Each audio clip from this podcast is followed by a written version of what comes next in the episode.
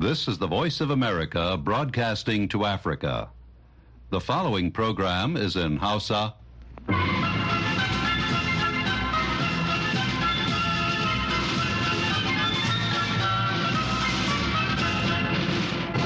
Sashen Hausa na murya Amurka ke magana daga nan birnin Washington DC.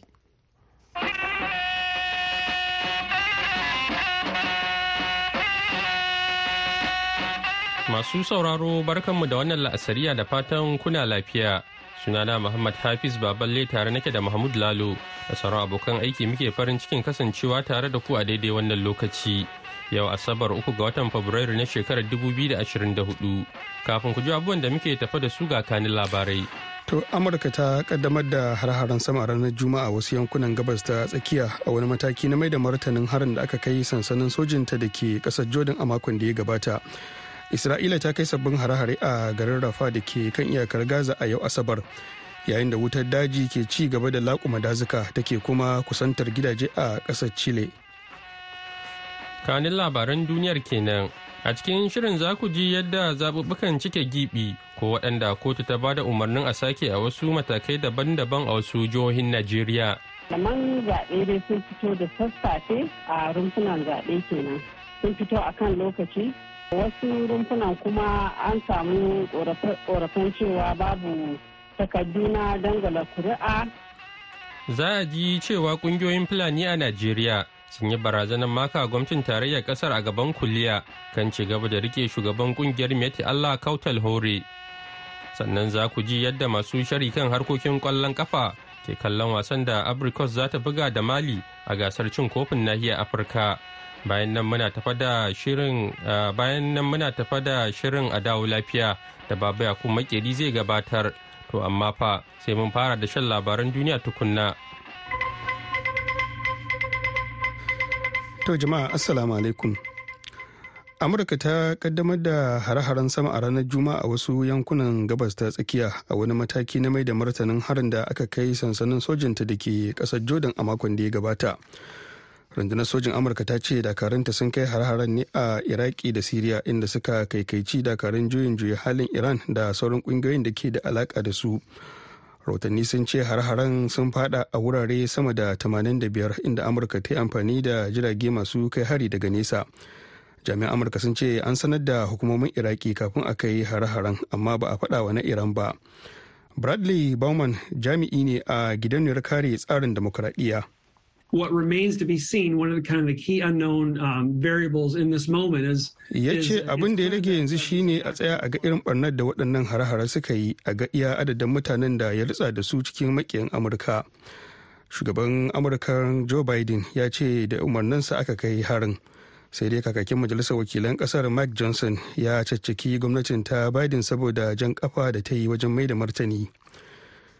Garin rafa da ke kan iyakar gaza ya fuskanci munanan hare-hare a yau asabar. Sai dai babu bayanai da suka nuna iya adadin mutanen da suka mutu ko suka jikkata sanadiyar hare-haren na isra'ila. Halin da ake ciki ma'aikatar lafiya ta gaza ta ce mutum 27,131 ne suka mutu sannan wasu 66,287 suka ji rauni a yankin na gaza. Sanadiyar har-haren tun bayan harin ranar bakwai ga watan oktoba da hamas ta kai cikin isra'ila wanda ya halaka mutum 1,200 ƙasar haɗaɗɗen daular larabawa ta ware dala miliyan biyar don tallafa hukumar da ke agazawa 'yan gudun hijirar falastinawa ta majalisar ɗinkin duniya. Wasu ƙasashen da ke taimakawa hukumar ta unrwa sun dakatar da tallafinsu bayan labaran da ke cewa wasu jami'an hukumar sha biyu na da hannu a harin da aka kai isra'ila a watan na oktoba. Hakan na faruwa ne yayin da amurka take ƙoƙarin ganin an cimma matsayin dakatar da buɗe wuta inda har an gabatarwa da hamas wasu bukatu We've been working tirelessly with Qatar, Egypt and other regional partners. jakadiyar amurka a majalisar ɗinkin duniya linda thomas greenfield kenan take cewa muna aiki tukuru da ƙasashen qatar da masar da sauran masu ruwa da tsaki a wannan yanki don ganin an samar da kwakwaran matsaya kan waɗannan bukatu wutar daji da ta tashi a yankin tsakiyar yankin balfarasu a ƙasar chile ta kona gidaje tare da laƙume hektoci da dama a cewar hukumomi. Hukumar da ke kula da dazukan ƙasar ta ce hektoci akalla dubu bakwai sun ƙone kurmus sanadiyar tashin wutar dajin. Kiyasi ya nuna cewa akwai akalla wutar daji 158 da yanzu haka suke ci a daukacin ƙasar ta chile wacce ke yammacin nahiyar amurka ta kudu. Da ya tura dimbin masu aikin kashe gobara don daƙile yaduwar wutar zuwa yankunan da gidaje suke. To nan ba da jimawa mahmud zai kawo mana karashin labaran duniyar amma kafin nan bari mu buɗe taskar rahotanninmu daga najeriya. Ana gudanar da zaɓukan cike gibi da waɗanda kotu ta ba da umarnin a sake a matakai daban-daban a jihohi 26 da ke ƙasar. Ciki har da jihohin plateau da nasarawa da benue. Mahmud lalo ya tuntuɓi wakiliyar murya amurka zainab babaji da ke jos wacce ke bibiyar waɗannan zaɓuka. Ya kuma fara da tambayar ta yadda zaɓukan ke gudana. Da zuwa yanzu dai a nan jihar plateau ana gudanar da zaɓen kujerar majalisar dattawa ne wato na shiyar plateau ta arewa da kuma kujerar majalisar wakilai na yankin ƙananan hukumomin basa da jasta arewa duk dai a nan arewacin jihar plateau wato bayanan da na tattaro a na gano cewa malaman zaɓe dai sun fito da sassafe a rumfunan zaɓe kenan. Sun fito a kan lokaci a wasu rumfunan kuma an samu ƙorafen cewa babu takardu na dangala kuri'a a musamman ma na majalisar wakilai. Inda wasu rumfunan ma da ke an samu takardun dangwala kuri'an. A kila a ce na sanata ya fi na dan majalisar wakilai. Wato kamar a rumfan da ake da mutum kamar fiye da dubu ɗaya za ka samu an kawo takardun wato ballot paper kenan na dan majalisar senate kenan wato dattawa. Ya an kawo kamar guda dubu ɗaya sannan kuma dan majalisar wakilai sai ka samu guda ɗari ne kawai aka kawo a wayan suna zaɓen kuma mutane na korafin cewa har wajen ƙarfe biyun nan ba su fara ba saboda ba a kawo isassun kayayyakin aikin ba. To ina aka kwana kan batun da ya shafi tsaro a wuraren da ake waɗannan zaɓuka? Batun tsaro a 'yan sanda sun riga dama sun shirya an sa jami'an tsaro ko ta ina. Sannan dai ba wani tashin hankali dai a nan jihar Filato. saboda kowa ya natsu. Sai dai abin takaici shine gaskiya wurare da yawa mutane ba su fito domin zaɓen ba. Kamar matsalolin da kika ambata a baya na rashin kai takaddun kada kuri'a wato ballot paper kenan me hukumomin zaɓen ke cewa dangane da hakan ko ba a gabatar musu da wannan korafi ba ne? Eh to an gabatar musu da wannan korafi da yake muna da wata kafa ta wanda 'yan jarida ne da su hukumar zaɓe. Yawanci idan aka tura musu saƙo cewa ga gurin da ake da matsala sai su ce mu je gurin mu koma wurin shi malamin zaɓe na ƙaramar hukuma na jasta arewa kenan inda ya shafi jasta arewa ne. To a wayansu gurare cikin ɗan lokaci kaɗan zaka ji mutane sun ƙara kiran mu sun ce eh an kai wannan kayayyakin aikin. Amma akwai waɗansu wuraren da har yanzu dai da muke magana da kai ɗin nan suna da wannan korafi suka ce malaman zaɓen ko kuma su hukumar zaɓen sun zo amma dai har yanzu ba su ga an aiko da kayan da ya kamata ba. To a can jihohin Benue da Nasarawa kamar waɗanne irin labari kike samu a zaɓukan da ake yi?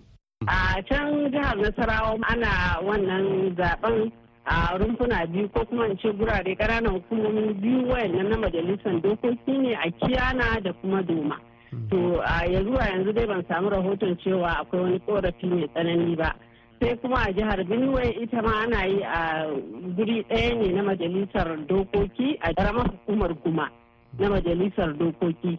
Can ma ban ji cewa an samu wata matsala ba to yadda dai ake ciki yanzu kenan.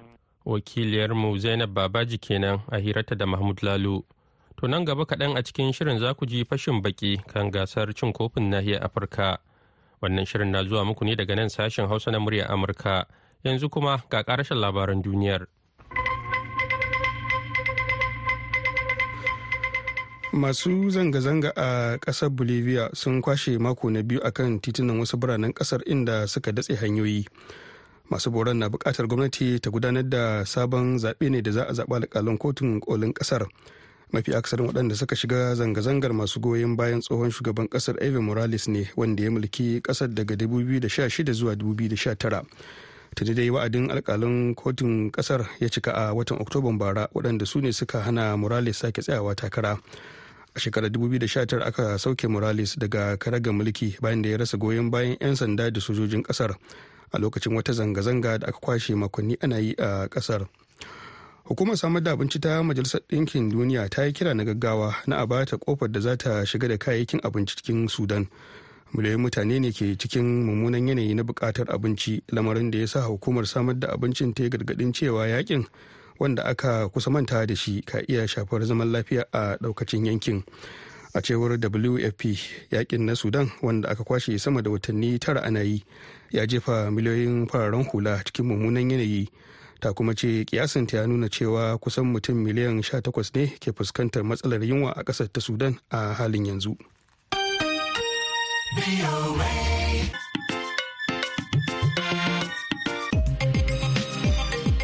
Mahmud Lalo kenan ya karanto mana labaran duniya daga nan sashen Hausa na murya Amurka.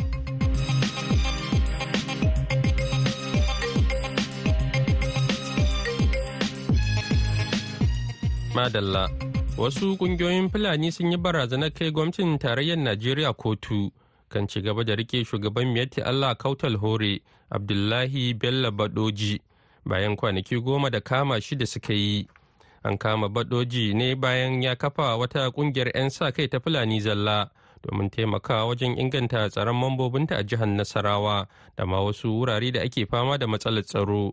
Wakiliyar murya amurka madina dauda tana ɗauke da karin bayani a wannan rahoton da ta aiko mana. Ƙungiyoyin fulani na fayan da fanam sun koka ne a wata sanarwa da suka fitar da ke cewa ci gaba da tsare baɗejo da jami'an tsaro ke yi bayan kwanaki goma da kama shi na nuni da cewa gwamnati ba ta da niyyar gurfanar da shi a gaban kuliya a nan kusa. Sanarwar wacce ta fito ta hannun ambasada muhammad tasiru suleiman ta ce rundunar sojojin najeriya da aka ce su ne suka kama baɗejo ba ta da hurumin tsare duk wani mutum fiye da sa'o'i ashirin da huɗu. Ƙungiyoyin sun yi kira ga shugaban ƙasa bola ahmad tinubu da ya sa baki tare da ba da umarni a gaggauta sakin shugaban ƙungiyar makiyayan. Abdulkarim bayero yana daga cikin shugabannin matasa na ƙungiyar ya ta'alla kautar hore. Abin da ya yi bai saba wa dokan najeriya ba saboda akwai jami'an tsaron najeriya da ya hada gwiwa da aka yi haɗin gwiwa da su a jihar nasarawa. To saboda haka muna kira ga ita gwamnati wato in dai ba dai so ake yi mu a lalata mana rayuwarmu a arewa a lalata tarbiyyarmu. To dole ne mu fulani mu kafa kafa wannan ƙungiyoyin domin mu duba tarbiyyar 'ya'yanmu shi kuwa shugaban ƙungiyar macban wato fulani cattle breeders alhaji usman genzarma ya yi nazari cewa doka ta tanadi kowace ƙungiya ta faɗi manufofin da ya sa ake son a yi wannan ƙungiya. Da kuma sauran ka'idodi na shugabanci da dai sauransu wanda tsari na doka ya tanada. Abin da ya shafi sha'anin tsaro abu ne wanda yake da sarkakiya wanda dole ko da ka samu izinin gwamna dole sai gwamnatin tarayya kuma ta ba da dama. Don abu ne wanda ya shafe ta kai tsaye. Shi yasa ma kake ganin yanzu yawanci gwamnoni suna musamman kudu suna ta kiran cewa a yi a community police kamar 'yan sanda wanda jihohi ko ƙananan hukumomi za su kirkiro su su zama suna ba da tsaro. Duk da yake wannan ma dai bata samu karbuwa har yanzu daga majalisa da ita gwamnatin tarayya ba. Amma ga kwararre a fannin tsaro da zamantakewan dan adam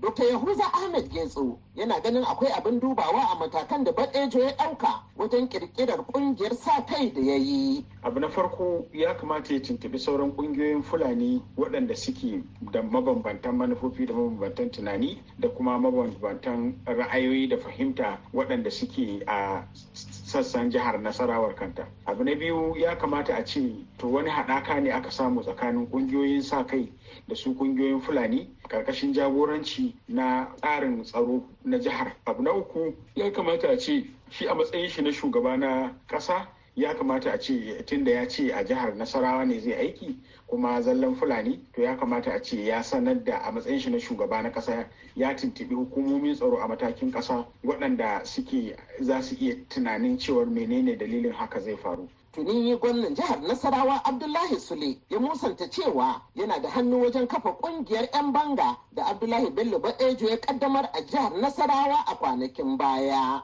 Madina dauda muryar amurka daga abuja najeriya. A gaida madina dauda da wannan rahoton. Yayin da ake ci gaba da gudanar da gasar cin kofin nahiyar afirka da ake bugawa a ƙasar a yau asabar mai masaukin baki ƙasar abricos za ta fafata da mi a da ƙasar mali a wasan kwata final sai kuma ƙasar afirka ta kudu za ta kece raini da ƙasar cape verde. Tuni dai najeriya da jamhuriyar demokuraɗiyyar congo suka kai wasan kusa da na ƙarshe inda suke jiran waɗanda za su kara da su a ranar laraba mai zuwa. A hirar da da mai shari kan harkokin ƙwallon kafa a ghana muhammad awal ya fara shaida min yadda yake ganin wasan mali da apricot zai kasance. To wannan wasan da za yi ƙarfi ne sosai. Domin in ka duba mali sun nuna gwanintakansu a cikin wanga wasanni da ke wanga gasar. Kuma in ka duba grupin da shi suke ɗin nan da aka buga grupin aka kare su suka zo on top su suka suka zo bisa kan kowa. South africa da tunisia da namibia duka shi suna cikin wannan mali suka zo bisa. To wanga na gwada maka mali sun shirya a cikin wanga afcon nan da aka zo nan. Kuma cote kuma ka duba su ma ce kusan za ka ce sun fita maki da zambia ya zauna morocco ya ci shi wannan ya bar cote ya yi ya qualify cikin wanga wasa. Kunnan zambia ta kudu ta samu ta yi nasara a bisa kan senegal kenan defending champion a cikin wanga competition.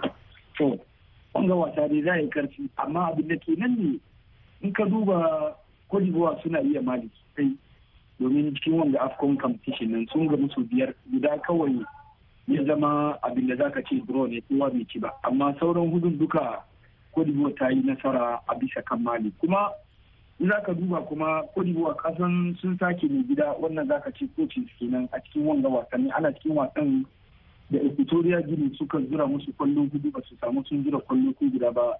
Su da kocin su wannan ɗin nan bature wanda ke ce mai jean louis gasset suka pathway suka bari ya wuce suka koko sokon mai musu wasa nft faye to shi ya zo ya zauna a benci suka yi suka fi da senegal. To za ka duba in ka ga kamar kodibuwa suna samun confidence cikin wanga competition. Domin shi wannan sabon kocin nan da ya zo wannan tsofon mai wasan su MT5 ya iya ya kawo musu wani abu da ya zama daban a cikin lokacin da shi wannan tsofin bature na yake na a wasan da ya zana ce za ta yi mai sharhi kan harkokin ƙwallon kafa a Ghana kenan Muhammad Awal a hirar da ne da shi yanzu kuma ga shirinmu na gaba. Matafiya a dawo lafiya. Jama'a barkanmu da sake saduwa da ku a cikin wani sabon shirinmu na dawo lafiya. Baba ya ko makeri ne daga nan birnin Washington DC nake sallama da ku a daidai wannan lokacin. har yau za mu ci gaba da kawo muku kididdiga da hukumomi suka fitar ne akan asarar rayuka ta hanyar hatsarin ababen hawa a cikin shekarar 2023 da ta gabata hukumar road safety ta duniya ƙarƙashin hukumar lafiya ta duniya ta who ta ce mace-mace ta hanyar hatsarin ababen hawa a shekarar 2023 sun ɗan ragu zuwa miliyan 1.190 daga miliyan 1.300 da aka samu samu a duk shekara. Rahoton da hukumar ta fitar na cewa da alamar matakan kiyaye hatsarin da ake ɗauka suna tasiri kuma za a iya samun babbar nasara idan aka aiwatar da muhimman matakai da aka jarraba su. Amma duk da haka mace-mace da raunuka da aka samu ta hanyar hatsarin ababen hawa suna yawa sosai. Rahoton ya ce raunin hatsarin ababen hawa yana ci gaba da zama babban sanadin mutuwar ƙananan yara da matasa masu shekaru biyar zuwa 29 a duniya. Sama da rabin munanan hatsarin da ake samu suna shafan masu tafiya da sawu ne da masu keke da masu babur musamman a ƙasashe masu karanci ko matsakaitan kuɗaɗen shiga. Sai dai rahoton ya ce akwai buƙatar ɗaukar matakan gaggawa. Muddin ana son a cimma babbar manufar duniya ta rage kashe 50 cikin 100 na mace-mace da raunukan hatsarin ababen hawa nan da shekarar 2030 ita ma hukumar road safety ta najeriya ta ce jumlar mutane 581 ne suka mutu a cikin hatsarin ababen hawa a shekarar 2023 a faɗin najeriya. Shugaban hukumar road safety na ƙasa cop marshal dauda biyu shi ne bayyana haka a wani taro a birnin abuja. Yayin nazari akan wani shirin hukumar na operation zero 2023 kanin alƙalluma sun nuna an samu hatsara dubu goma da ɗari shida da goma sha bakwai. Sa'annan mutane dubu talatin da ɗaya da ɗari takwas da saba'in da huɗu ne suka samu raunuka a bara. Sai dai waɗannan alƙallumar a cewar dauda biyu suna tabbatar da samun nasara wurin rage hatsarin ababen hawa da mace-mace da kuma raunuka idan aka kwatanta da shekarar 2022 amma yanzu bar mu sake lekawa ƙasar ghana inda hukumar kiyaye hatsara ta gada ta road safety ta ce mutane 2,276 ne suka mutu daga watan janairu zuwa disamban bara ta hanyar hatsarin ababen hawa. Muhammad hashim sidi madani mukaddashin jami'in shirya ayyuka a hukumar ta road safety a jihar arewa maso yammacin ghana shine ba mu waɗannan alƙalumar kuma ya mana ƙarin haske to wannan adadin da aka samu ragowa shin akwai wata hanyar da aka bi yasa aka samu wannan ragowa ko dai haka kawai ne dai su direbobin suka yi takatsantsan wurin aikinsu? Na akwai akwai wai babu abin da zai faru ba sanadiyya. Akwai matakai yadda muka doki da dama. Na daga cikin su wancan shekara mun doko wani someone muka ce mai wai remove the unprescribed lamps. Mm.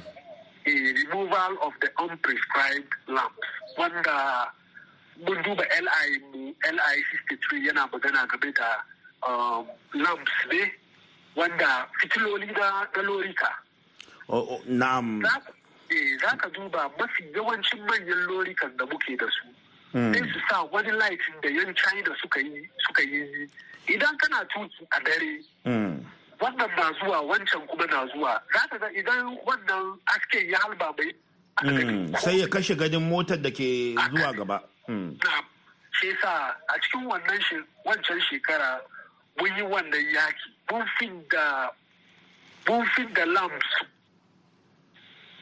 Kusan fitilun motocin kun fitar. na'am. Mun fitar jihar duka gaba da gari duka gaba ɗaya national kowane jihar ta yi nata aiki. Kowane jihar ta yi nata aiki. A lokaci guda muka yi wannan aiki. Za ka fita kamar misali jihar ashanti ka kai jihar bunu za ka gan ashanti suna nasu. Idan ka sallaka ka kai bunu za ka gan idan ka kai tamale za ka gan suna nasu. Haka kowane jihar mun yi. Mun fi da wayan nan fitilu wurin dubu ashirin da yankai idan mun fite kuma ba mu baka muna fitewa ne mu tafi da shi mu je a kona domin mun gan cewa su direbobin da kansu suna magana kan wayan nan fitilu kuma ba su bari sawa. Dan wanka na zuwa wannan fitila da ya halba ma idonsa ya kashe gadisa sai ka gan kafin ka farga ka hafka ma wani lorin da ke zuwa ko ka fada marami sai ka ga hallaka ya zo. To bari mu duba banda wannan batun fitila da akan yi amfani da shi wanda ke kawo hatsarra menene abubuwa da suka fi kawo hatsarra a nan ƙasar ghana wanda har yanzu an kasa magance batun hatsarran motoci? Gaskiya ne. Na farko yawancin gudu wanda ke ƙetare iyaka overspeeding ke nan. Overspeeding na daga cikin ababen da ke kawo muna hasura kan hanyar ƙwarai da gaske. Za ka ga mutum ya fita yana tafiya. Muna da wai prescribed speed limits. Wanda idan ka kai kowane wuri akwai wato adadin gudun da aka kayyade da kada ka haura haka. Haka. Wato kowane wurin da za ka kai akwai adadin gudun da ya kamata lore ka yayi. Na farko muna da speed limits 30 km per hour. Wannan 30 km wai idan ka kai inda yawancin aikace-aikace na mutane yake ka bari lore ka kai ya wuce 30 km per hour. Kamar misali inda school yake inda hospital yake inda kasuwa yake. Mutane ke kai abubuwa suna cin kasuwansu. Kaka bari gudun ka ya ƙetare 30 km per hour. Sannan muna da 50 km per hour. 50 km per hour idan ka kamar ka fita cikin gari inda babu yawanci aikace-aikace na mutane ta tsallake kana fita gari to wannan ko idan kana kan hanya za ka san wani wuri an zana maka 50 wani wuri 30 wani wuri 80 wani wuri 100 wato wayan nan duka yana gwada maka nan ga ka kai adadin gudun da za ka iya kai kenan. Amma za ka ga wani na nan shi ce ai mota tana kwance ko anyan yana kwance. Eh anyan yana kwance amma baka san abin da zai fito maka cikin daji. Hanyar nan da muke amfani da shi ba mu kawai ba ne dabbobi ba na amfani da shi. Sai sa idan ka kai wani wuri sai ka ga an sa maka foto na saniya tana ciki road sign kenan. Yana nuna maka cewa wurin nan ana yawancin kiwo dabbobi na gida kenan. Dabbobi na gida ibara guda akuyoyi barako shanu da makamancinsu. Sai sa idan ka kai wurin da ka da gudunka domin kana cikin gudun da nan ba shi ba kamar mutum ya yi fito zai sallake ya koma ma wannan daji. Sai ka ga kafin ka farga ka hafka ma dabba. Kuma idan ka buge dole kai da kanka ka samu rauni idan mutane suna ciki za ka samu rauni. Kuma idan ka ce ba za ka buge dabban ba za ka hallakar da mutane ne. To gudun ka idan ka taka break dole zai iya fin da kai kan hanya ya hafka ma kai sai ka ga matsala ya zo. Sai sa kana tuƙi ya kamata ka mai da hankali. Ka ta bari hankali kana zuwa kan road sign. Tun bai tuƙi nan ga na kai kaiti ya kamata biye mai. 50 ya kamata biye mai. Wannan ke gwada kai professional driver kenan. Wannan ke gwada kai kana tuƙi ka san kan tukinka. Wato wato ka mai da hankali akan alamomin hanya. Hanya. Yawa to bayan batun gudu fiye da kima menene kuma abubuwan da sukan kawo hatsira a ghana? Na biyu shaye-shaye yana ciki. Ba shaye-shaye na ƙwaya ko wani abu ba. Wani energy drink da kansa da muke yawan sha? Irin wannan abubuwan sha mai kara kuzari kenan. Energy drink. Sai ka ga mutum ya gaji. Sai ya ce tun da na zo na iske mutane a tasha ya kamata doke in koma. Alhalin tukin nan kana yi ya kamata ka samu lokaci da hutu.